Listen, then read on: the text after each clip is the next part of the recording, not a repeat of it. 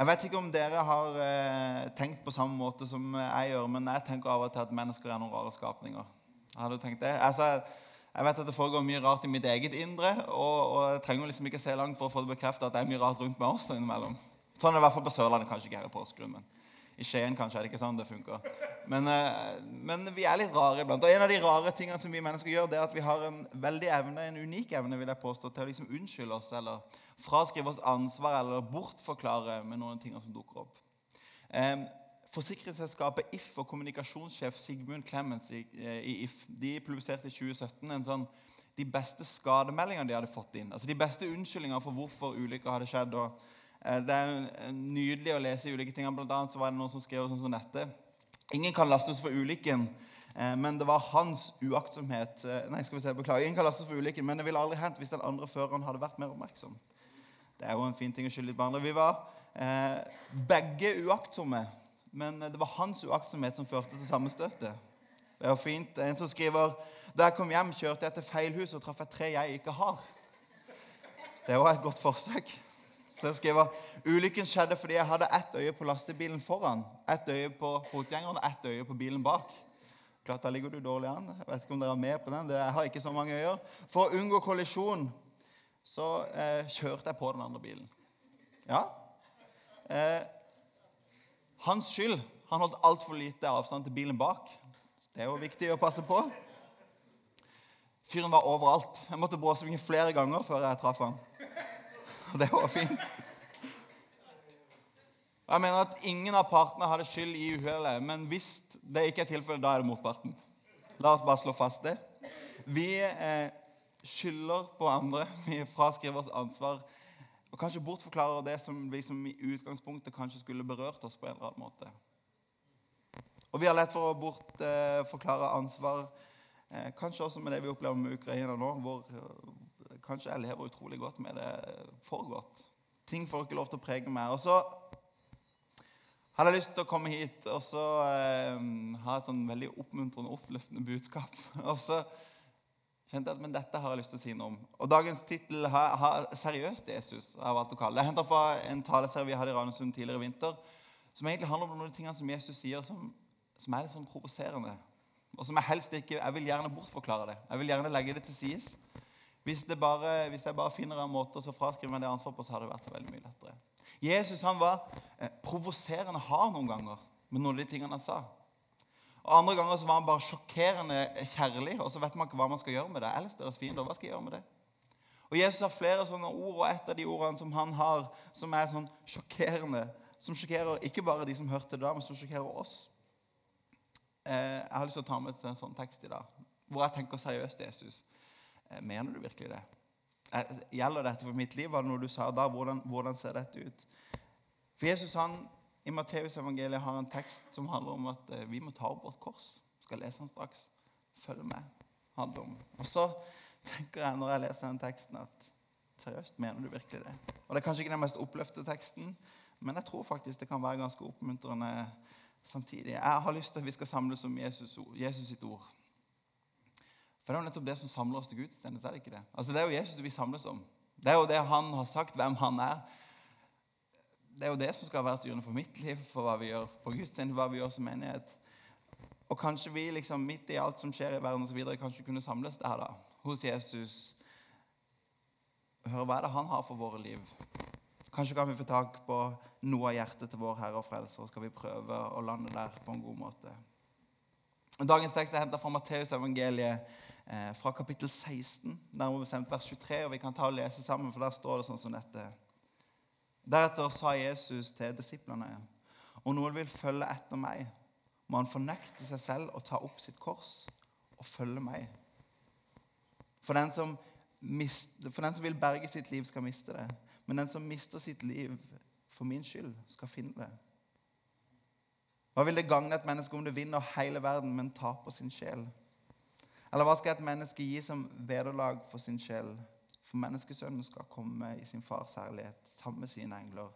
Og Da skal han lønne hver og en etter det han har gjort. La oss be. Herre Jesus, når vi samles til gudstjeneste, så er det jo der vi samles om Herre. Det er der vi ønsker å høre fra. Det er der vi ønsker å tilbe, det er der vi ønsker å følge. Takk, Herre, for ditt ord. Takk for at vi der kan få tak i deg, hjertet ditt for oss. Og Jeg ber Gud om at ditt ord må få lov til å tale til oss og berøre oss, Herre. Takk for ditt ord skaper. Jeg har lyst til å be om at ditt ord må få skape noe nytt i våre liv, akkurat der vi er i dag.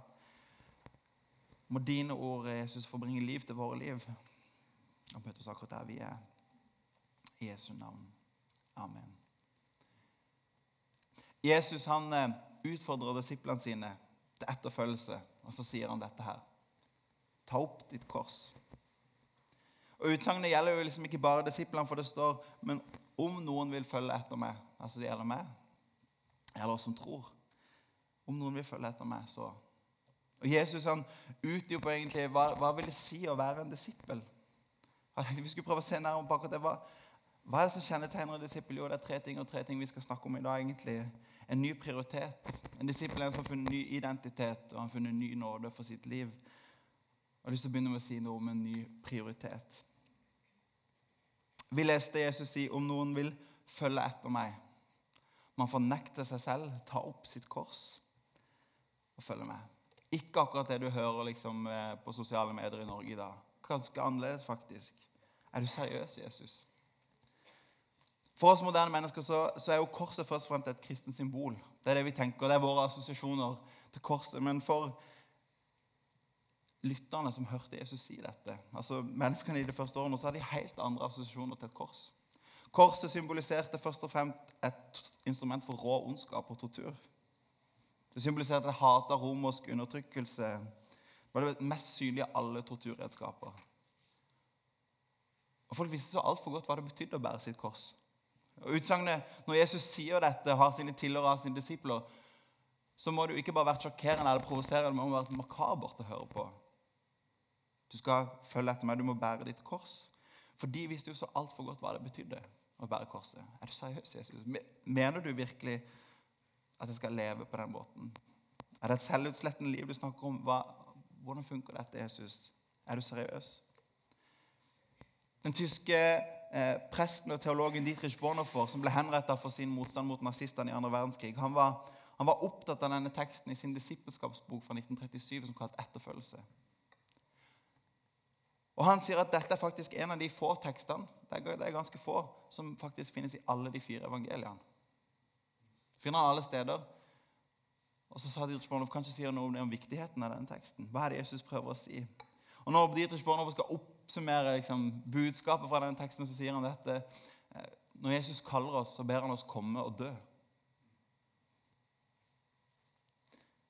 Bornhoffers ord, Jesu ord, det ganske provoserende. Provoserer i hvert fall meg. Hva, hva mener du, Jesus? Skal jeg fornekte meg sjøl og ta opp mitt kors? Hva betyr egentlig det? Jesus han eh, utfordrer på hva vil det si å være en disippel. Og Ingen kan jo si at Jesus han forsøker å liksom manipulere med falske premisser og gi liksom enklere løsning. Han forsøker ikke å tilby en lettere utvei. Jesus er brutalt ærlig. han. Så sier du akkurat sånn som det er. Ta opp ditt kors. For korset er jo et bilde som gjør totalt krav på disiplenes autoritet. Og, altså ikke autoritet, tilhørighet og overgivenhet til Jesus. Og Faktum er at Disiplene de tok jo dette på ramme alvor, og mange endte opp med å følge Jesus til de ble henretta for sin tro. Og så har jeg lyst til å si eh, Det samme ser vi i dag. Onsdag 19. januar tidligere i år så publiserte World Watch List eller Åpne dører publiserte noe som heter World Watch List. En, en rapport, en oversikt over eh, forfølgelse av kristne. Og Den rapporten som, ungdom, nei, som eh, Åpne dører kom med i, i 29 år, den tegner et veldig alvorlig bilde. I 29 år hadde de hatt den rapporten, og og aldri har det vært så høy forfølgelse av kristne som det er akkurat nå. Det finnes ingen gruppe som på langt nær forfølges på samme måte. Altså, ikke noe som er i nærheten. Og Tallene er, er rystende når du hører hvordan kristne opplever det rundt om i verden, hvor, hvor rapporten slår fast at hver dag blir 16 kristne drept for sin tro. Hver uke blir 19 kirker ødelagt eller stengt. Hver måned blir 514 urettmessig fengsla for sin tro. 360 millioner kristne blir utsatt for svært høy eller ekstrem grad av forfølgelse. Og 5898 kristne ble drept for sin tro i rapporteringsåret 2021. Altså en økning på 25% fra året før. Det er ekstremt. Afghanistan er det farligste landet å bo i som kristen. Hvor etter Taliban overtok, så er det en, en jakt etter kristne. Kirkehistorien dag, og dagens forfølgelse av kristne vitner om at, at det er noen sannhet i det Jesus sier her. Jesus han var faktisk seriøst, han. Ta opp ditt kors. Um, situasjonen for um, oss i Norge er helt annerledes. Jeg frykter sjelden for mitt liv. I beste fall så frykter jeg for mitt rykte som kristen. Men Jesu ord om å fornekte seg sjøl og ta opp sitt kors, det gjelder oss og meg. Det gjelder oss. Spørsmålet er hva det betyr. Teksten vi leste fra Matteus, den, den, finnes som jeg sa i de andre evangeliene også. Og vi finner den eh, i Lukas. Og I Lukas så får vi, får vi en helt lik presentasjon som vi leste nå. er Nesten ordrett helt likt. Men vi får i tillegg noen ekstra fortellinger som kaster lys over disippelskapet over disse versene her. Og Fra eh, Lukas 9, kapittel, eh, vers eh, 59 så kan vi lese hvordan det etterfølger denne historien. Jesus altså, sa til en annen, 'Følg meg.' Og mannen svarte, 'Herre, la meg først gå hjem og begrave min far.' Da sa Jesus til ham, 'La de døde begrave sine døde, men gå du av sted og forkynn Guds rike.' Det var også en annen som sa, 'Jeg vil følge deg, Herre.' Men først la meg si farvel til de der hjemme. Men Jesus svarte, Ingen som har lagt hånd på plogen og ser seg tilbake, er skikket for Guds rike. Ganske krasse ord her også. Disse versene, sammen med ordene om å fornekte seg sjøl og ta opp sitt kors, peker på at disippel han er en som har fått en ny prioritet. Jeg vet ikke om du la merke til fellesnevneren i de tekstene vi leste her nå. Det svaret de gir til Jesus begge to. La meg først Hvis du vil være en disippel av Jesus, så er det noe annet som settes først. Jesus sier at 'jeg må først'. Han sier et annet sted i Matteus Søk først Guds rike. Hans rettferdighet skal du ha for alt andre i tillegg. Hva er det disse sier når Jesus spør? Sier 'la meg først'. Det finnes noen som kommer først, som får prioritering for alt andre før min familie, før min karriere, før mine penger.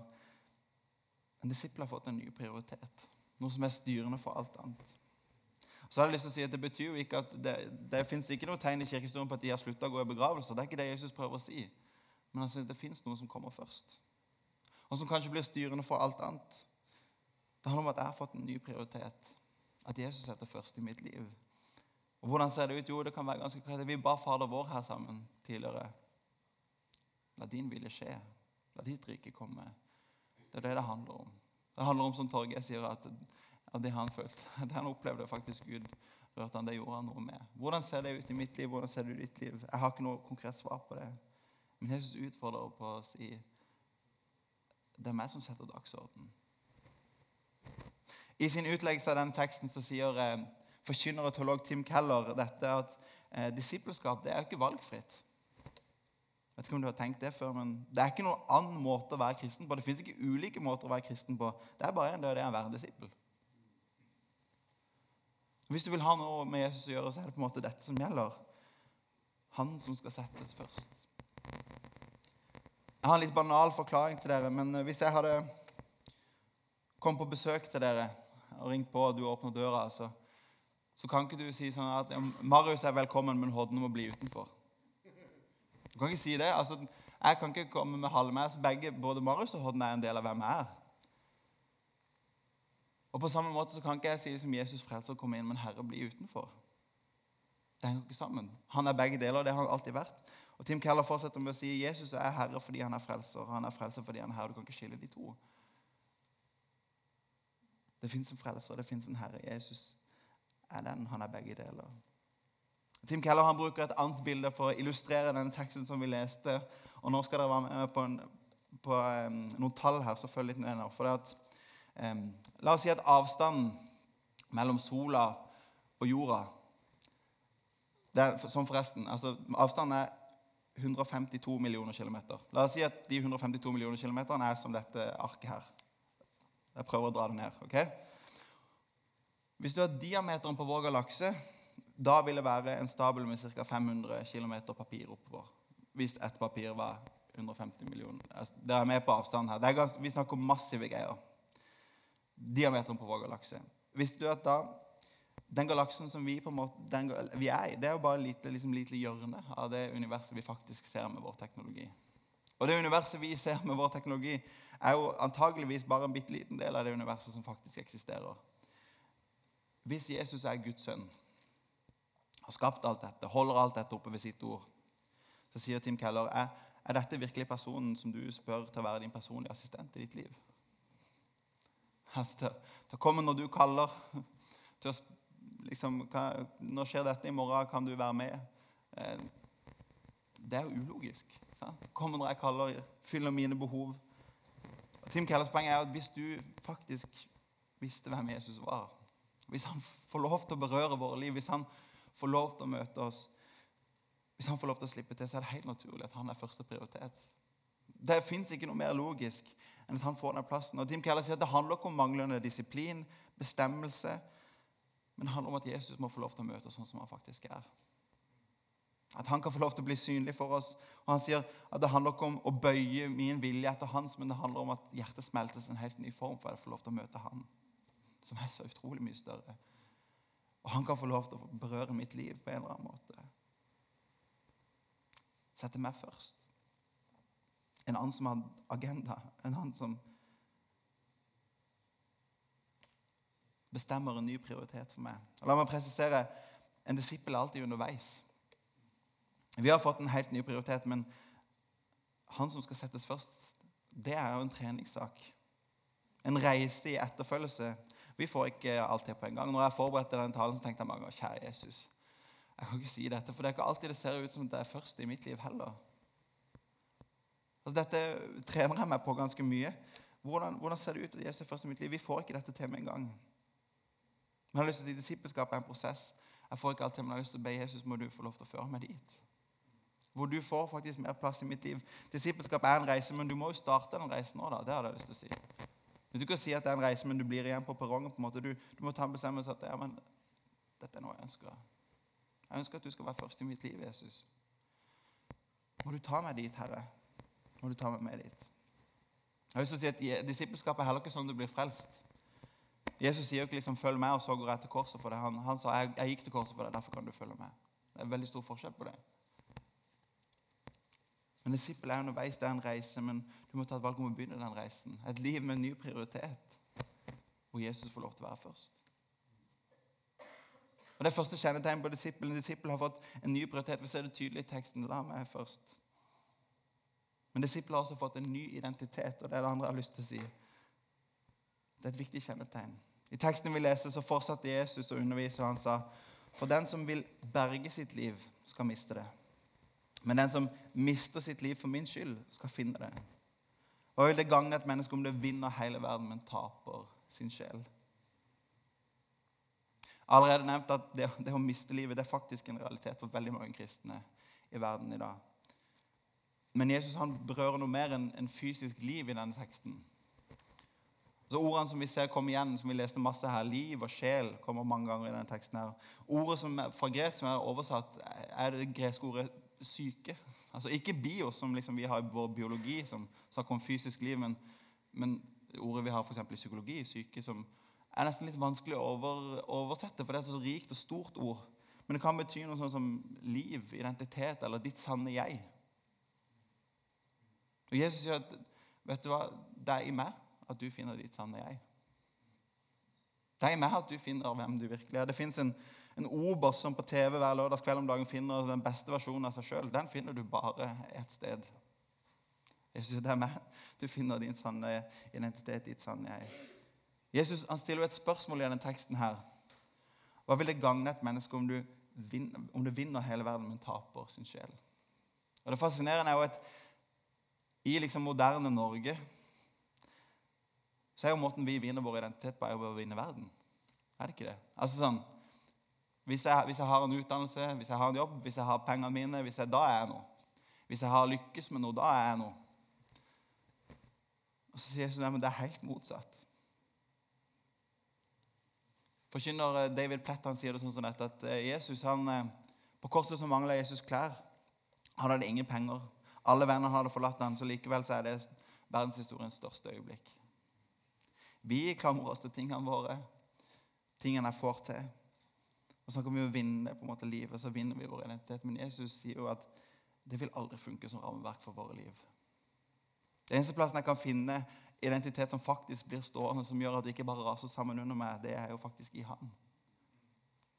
Bygger du på hva du vinner, jo, så faller det fra hverandre. Du taper på sikt. Når jeg gikk på videregående skole, så møtte jeg min sånn hittil største livsstorm. Og Da skjedde det noe i mine nære relasjoner. Og det skjedde noe i min familie. Det skjedde noe med min helse som gjorde at, at jeg følte at alt falt totalt sammen under meg. Og når det først liksom rakte, så bare rakna alt. Og så har jeg skjønt i ettertid at det, grunnen til at det ble så dramatisk som det gjorde, var jo fordi at mitt liv handla stort sett om hva jeg fikk til. Om, om å vinne, liksom. Ja, hvis jeg fiksa det, ja, så var det bra. Og hvis jeg, det, var, det var idretten, og det var skolen, og det var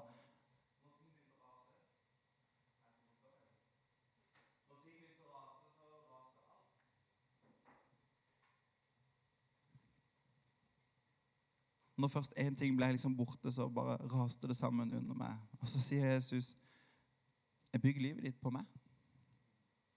Der, det er der du kan finne en sann identitet. Det er der du kan finne en hvile som faktisk bærer livet sånn som det er. Ifølge Jesus så vil det aldri fungere som rammeverk for våre liv noe annet. Altså, Det å vinne verden, som vi gjerne bygger våre liv på, det holder ikke mål. Hva bygger du dypest sett din identitet på, din eksistens? Hva er kjernen av din eksistens? Jesus ønsker at vi skal finne en helt ny vei. Ikke vår moderne vei, men Jesus han ønsker at vi skal finne en ny nåde. En ny nåde for vårt liv. Og dette med en ny nåde det er, det er nøkkelen til å forstå de andre tingene jeg har sagt nå.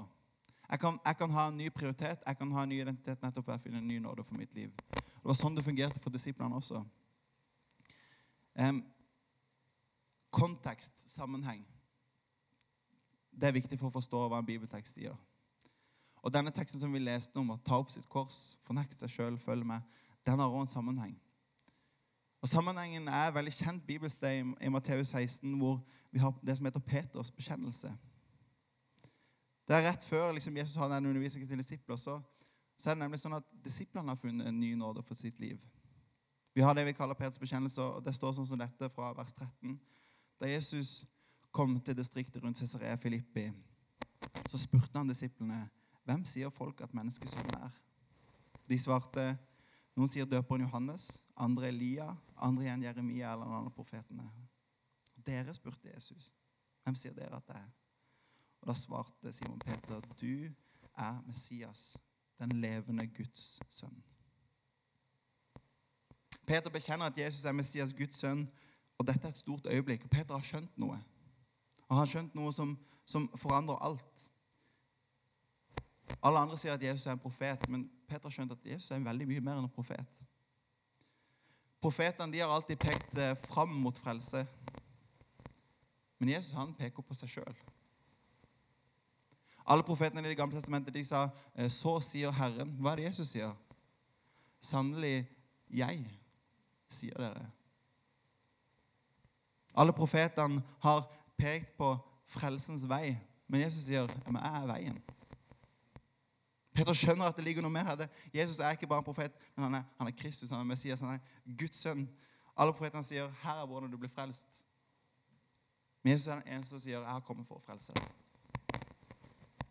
En ny nåde. Og dette er nøkkelen for å, for å være en disippel av Jesus. Det er, her, det er den forståelsen som gjør disippelskap mulig. i det hele tatt. Er derfor vi kan snakke om en ny prioritet, en ny identitet, nettopp for å finne en ny nåde for mitt liv. I Lukas evangelium der vi har Peters bekjennelse også, sånn som vi leste i Matteus nå, så er Peters bekjennelse et sånt sentralt punkt. Det er liksom vendepunktet i historien. For før Lukas 9, hvor vi finner da Peters bekjennelse, så, så handler det om å forstå hvem Jesus er. Disiplene liksom blir tatt med Jesus. Jesus forteller hvem han er. De får lære hvem han er, de får vandre sammen. så får de, får, de, for de ser hvem Jesus er. Men i det punktet vi kommer på Peters bekjennelse, har disiplene skjønt noe. Og da endres alt fra å handle om før kapittel 9, hvem er Jesus, så snur det. Og så etter kapittel 9 så handler det om disippelskap. Etterfølgelse av veien til korset. Hvorfor når disiplene hadde funnet nytt nåde for sitt liv, skjønt hvem Jesus var, så gikk det an å snakke om å følge etter ham. Og det er her, i det, akkurat dette punktet, det her, det her dynamikken ligger, fremgangen ligger, eh, motivasjonen Alt du trenger for å, for faktisk snakke om disippelskap, det finnes her. Det er her disippelskapet har sin kjerne med en erkjennelse at det er Jesus som er min frelser og min Herre. Han er Guds sønn. Og Faktum er, hvorfor kan Jesus si at du må ta opp ditt kors? Hvorfor, må- hvorfor kan han si at du må følge med? Hvorfor kan han være første prioritet? Jeg kan ta opp mitt kors fordi Jesus tok opp sitt kors først. Det er sånn sammenhengen er. Som Peter skjønte, Jesus er noe mer. Han er noe annet. Jeg kan ta opp mitt kors fordi jeg har en som tok opp sitt kors først. Hvorfor skal jeg fornekte meg sjøl og gi mitt liv? Jo, for det fins en som ga sitt liv for meg først. Hvorfor skal Jesus være min øverste prioritet? Jo, det er jo fordi at jeg var Jesus sin øverste prioritet da han gikk korsets vei. Han så meg, han så oss. Og så ga han sitt liv. Han gikk korsets vei for å gi meg en ny identitet, ikke basert på hva jeg har fått til, men hva han har gjort for meg. Han ga alt, og da er det helt naturlig å gi alt tilbake til han. Da faller alt tilbake på plass. Det er ganske spesielt når Jesus i den teksten vi leser, spør hva skal et menneske gi som vederlag for sin sjel? I På engelsk så brukes ordet 'exchange' istedenfor vederlag. Altså i bytte mot istedenfor vederlag. Hva kan et menneske gi i bytte for sin sjel og sitt liv? Og Det er Jesus som stiller det spørsmålet til disiplene. Og jeg ser for meg liksom i det Jesus stiller det spørsmålet til disiplene, så vender han seg opp mot himmelen og spør sin far hva var du villig til å gi i bytte mot menneskers liv? Og Sannheten er jo at himmelen bytta inn sin mest dyrebare eiendel for menneskers liv og frelse Gud sendte sin egen sønn.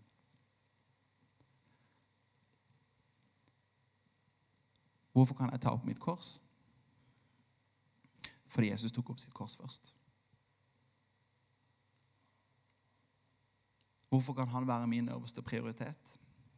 Jo, nettopp fordi at jeg og du var Jesus sin øverste prioritet når han gikk korsets vei.